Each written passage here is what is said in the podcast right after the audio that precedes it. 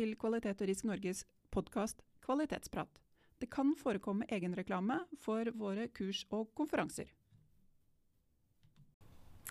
Hei, kjære lyttere. Velkommen til ny runde med kvalitetsprat. Vi sitter nå i studio her i Sandvika i Kvalitet og risiko sine lokaler. Og med meg har jeg Sissel Storås. Og jeg er Siri Mathisen.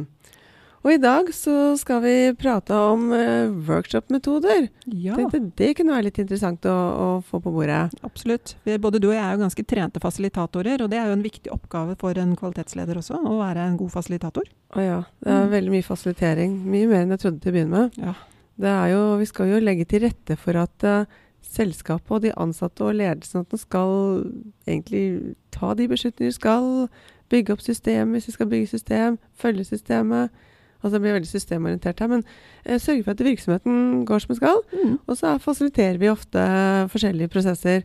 Og noen ganger så gjør vi da en del workshoper også. Mm. Det kan være workshop på risikokartlegging, det kan være workshop på prosesser, det kan være workshop på SWOT-analyse, kontekstanalyse.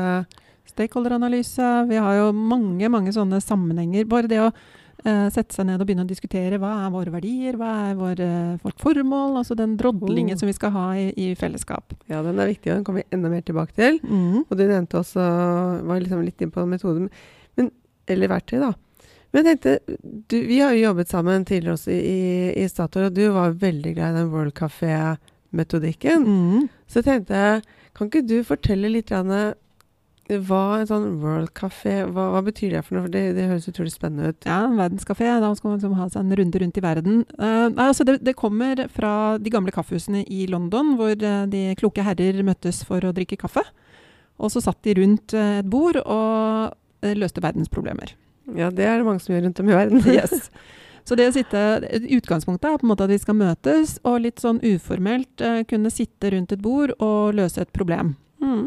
Eh, og så er dette en, det er en metode som egner seg kanskje litt større grupper. Så eh, man bør vel i hvert fall være en 25, kanskje mer enn det, for at det skal være en effektiv arbeidsmetode. Og så har man da eh, et antall bord og en bordvert, så det må være én person på hvert bord som måtte sitte permanent på bordet. Mm. Og så er det da om å gjøre å kunne For hvert bord har et tema. Så går man og setter seg ved et bord, og så diskuterer man elementer rundt det temaet i en periode, kanskje ti minutter. Og så er det en liten eh, break. Da reiser man seg, og så beveger man seg til et annet bord. Alle sammen flytter seg til et annet bord? Ikke, ikke bordverten, men resten. Alle sammen. Ja, enten, man kan enten som gruppe flytte seg til et annet bord, eller liksom velge sjøl. Velge fritt. Litt sånn stolleken, da. Du har et antall plasser, og du må helst da prøve å finne et annet bord enn det du har vært på før. Så enten man da mikser og matcher disse opp disse bordene helt, eller man som sier at eh, den gruppa her skal i, være sammen hele tiden og gå fra bord til bord. Det kan man velge. Ja, ok. Eh, og så går man til neste bord, der er det et annet tema, og så diskuterer man det i ti minutter. Og så er det å veksle og veksle og veksle til man, man kanskje har vært på alle bordene. Mm. Og så kommer man tilbake til hjemmebordet sitt, det bordet der du var først. Og da vil bordverten kunne både ta det man har snakket om og diskutert, og se på hva slags innspill har vi fått fra de andre deltakerne som har vært innom i mellomtiden. Ja. Og så konkluderer man og kan komme opp med en tilbakemelding til plenum eh, i hvordan man har løst dette eh, problemet på dette bordet. For da er det hvert bord beholder sin problem, så bordverten sitter og beholder på en måte problemet sitt, og de problemet. eier problemet, og så går man på de andre bordene som har andre problemer. Mm. Mm. Jeg brukt, vi brukte det i, i Kvalitet og RIS Norge. Jeg tror det var på høstkonferansen, høstkongressen eller Verdens kvalitetsdag i 2011, tror jeg det var. Så hadde vi en sånn verdenskafé Mm. Uh, hvor vi diskuterte ulike elementer av uh, Jeg tror det var uh, sånne disse kvalitetsprinsippene i ISO-standarden. Ja, ja. Jeg har laget Ved denne metoden så lagde vi grunnreglene, Six Commitments of LUVA, altså Åsta Hansten-prosjektet som vi jobbet sammen med. ja. Jeg, vi brukte det også i Åsta Hansten da vi kartla erfaringene. Det er litt interessant fordi vi brukte jo mye tid på rett etter at vi passerte eh, endelig investeringsbeslutning, så det, lå det i kortene. Jeg husker ikke om det var bestemt på det tidspunktet eller om det lå i kortene at vi skulle til Korea. ja.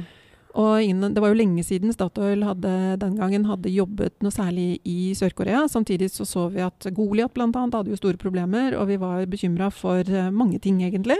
Eh, og da brukte vi verdenskafé-metoden for å snakke med partnere, for andre prosjekter og de som andre interesserte, for å belyse eh, risiko, erfaringer og den type elementer, hva vi kunne gjøre med de erfaringene.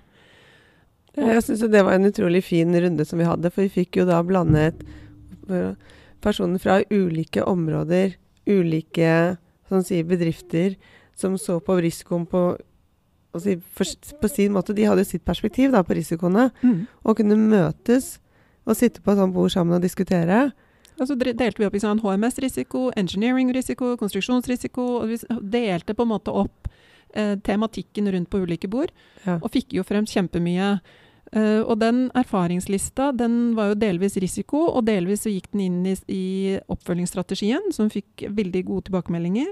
Helge Lund, som var i møte med oss, som var konsernsjef da, var i møte med oss etterpå, ga uh, stor uh, begeistring, og fremviste stor begeistring for metoden. Og nå i senere tid så har Petil, tror jeg det er, har gitt ut en rapport gjennom Akona, hvor eh, Åsta Hanstens evne til å lære erfaringer blitt trukket frem som en av de mest positive tingene ved eh, prosjektet. Yes, selvfølgelig. Den, og dette er verdenskafé. ja. Men vi har jo andre metoder, ja. da. Um, brainstorm. Ja. Det er jo en altså, alle har jo lært om det eller hørt om det, vil jeg tro, rundt og, på en eller annen måte. Og det er jo ganske rett fram. Da. Du skal bare koble på huet og prøve å komme med masse ideer. Og dumpe dem ned på en tavle eller et eller annet sted. Og det høres utrolig lett ut. Og der er det liksom satt sånne regler om at uh, alle som Altså, man inviterer jo en gruppe til møte og sier at her er alle like mye verd, og alle ideer er like gode. Det er ingen dumme ideer. Uh, kjør på, presenter det du har. Uh, kom med alle tankene dine, sånn at vi, vi kan starte et sted også og begynne å, å jobbe ut fra det. Mm. Så det er jo en fin idé at man skal få alle ideer opp på bordet. Men så er det jo noe med, hvert fall sånn jeg kjenner i hvert fall på det, at noen ganger så føler jeg ikke for å dele alle mine ideer uansett. Eh, det kan være at jeg har en som er veldig dominerende i møtet, som kjører på og er på en måte besserwisser. Å, der, der har jeg en historie. Og, ja. og vi hadde en brainstorm, det var en risikoworkshop. Og så satt alle Og da hadde vi sånn gule lapper, så alle sammen skrev opp alle risikoene sine. Og så hadde vi sånn, når vi var ferdig med det, så, eller jobba sammen to-to, så gikk vi liksom fra person til person, runde på runde på runde på runde, så vi var tømt oss ut av ideene. Problemet hadde satt en kar ved siden av meg. Og han lytta til det de sa, og så formulerte han risikoen.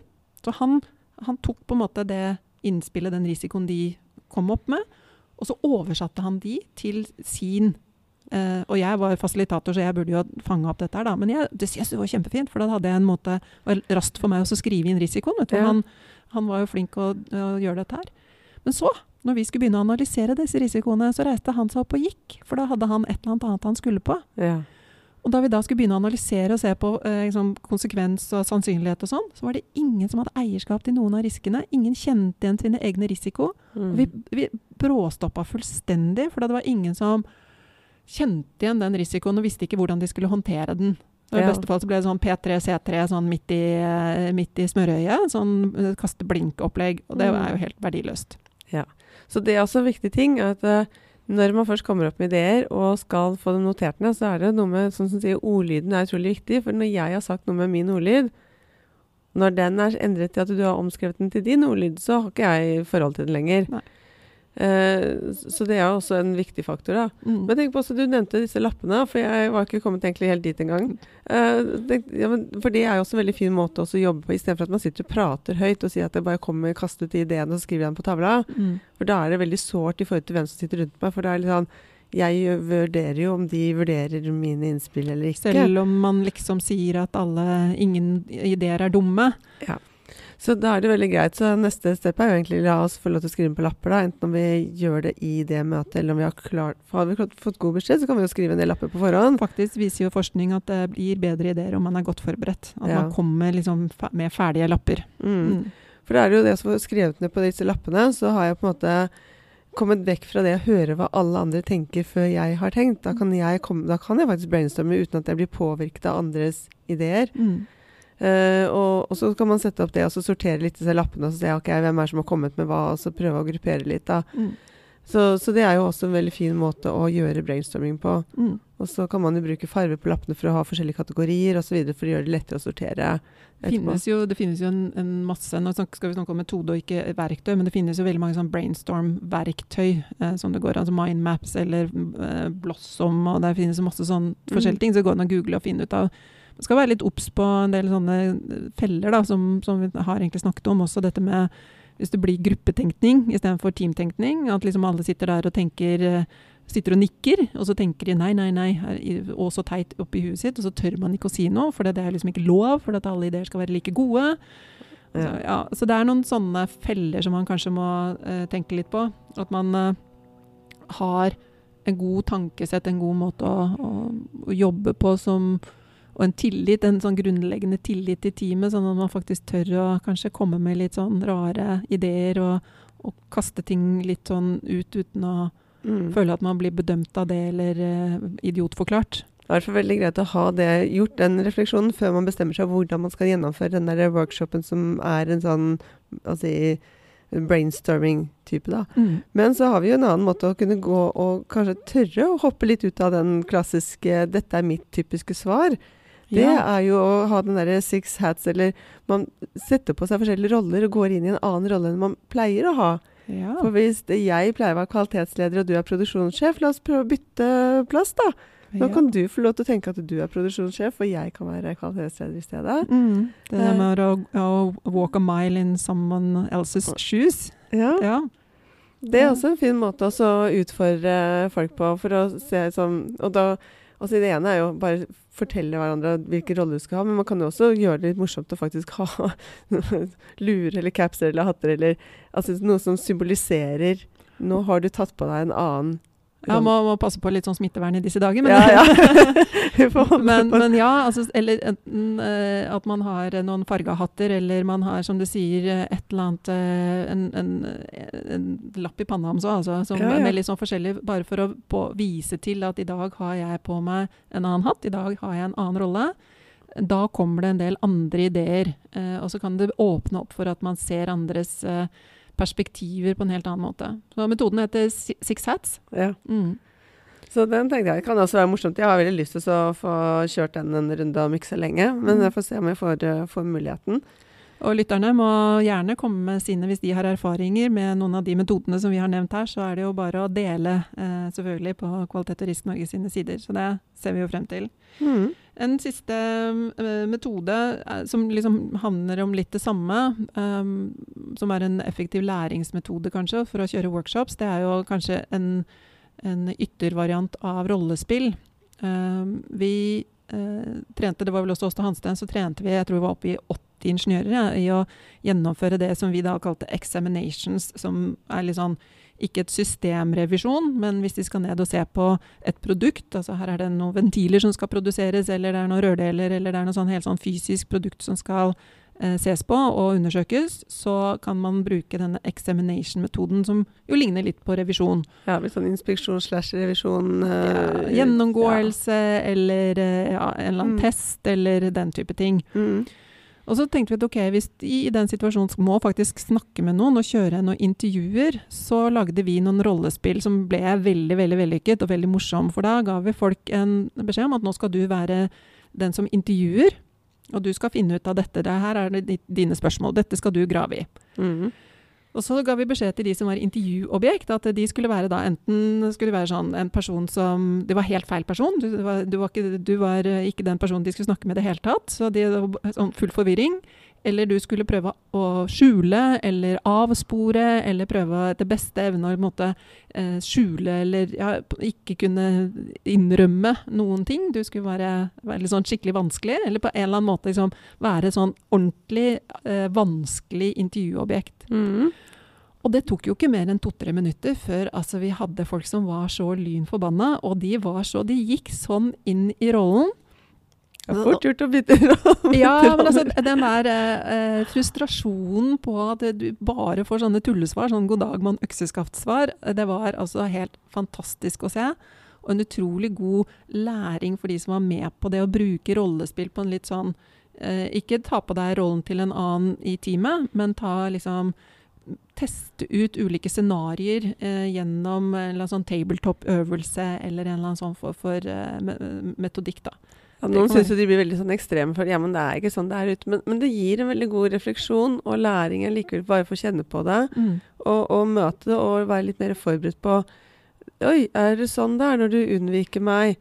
Eh, Jeg prøver hele tida å få svar på noe, og så smetter du på en måte unna hele tida. Så da må jeg prøve å finne en litt annen strategi for å få ut det svaret jeg ønsker. Ja, ikke bare det, men hva hvis du da blir kjempesint? Ja. Altså, Da får du jo i hvert fall ingenting ut av den stakkaren som sitter på andre siden av bordet. Nei, nei, så dette må man lære seg å mestre. Mm. Så det er jo en sånn mestringsøvelse og veldig god, eh, god ja, praksis. Faktisk bare, bare kjør gjennom det, for da får man kjent på hvordan man selv reagerer i situasjoner, og hva Mm. man møter for noe. Yes. Så, mm, Men da har vi snakket om uh, World Café, brainstorm, six hats og rollespill. ja. Det er vel bra det, for å snakke om metode. ja, jeg tror det holder for i dag, ja. Da skal vi si at neste gang så skal vi snakke om uh, verktøy. Det Yes. gjør vi. Yes. Den er god. Ha det godt. Ha det bra. Programledere for denne podkasten var Siri Mathisen og Sissel Storås. Eh, Ansvarlig produsent er Torolf Paulshus. Produsent er Bent Vigeland. Administrativt Anlegg Åstad. Musikk Karsten Boe. Studio har vært i KRN sine lokaler i Sandvika, og vi har fått teknisk bistand fra Jakob Storås hos S Media ungdomsbedrift.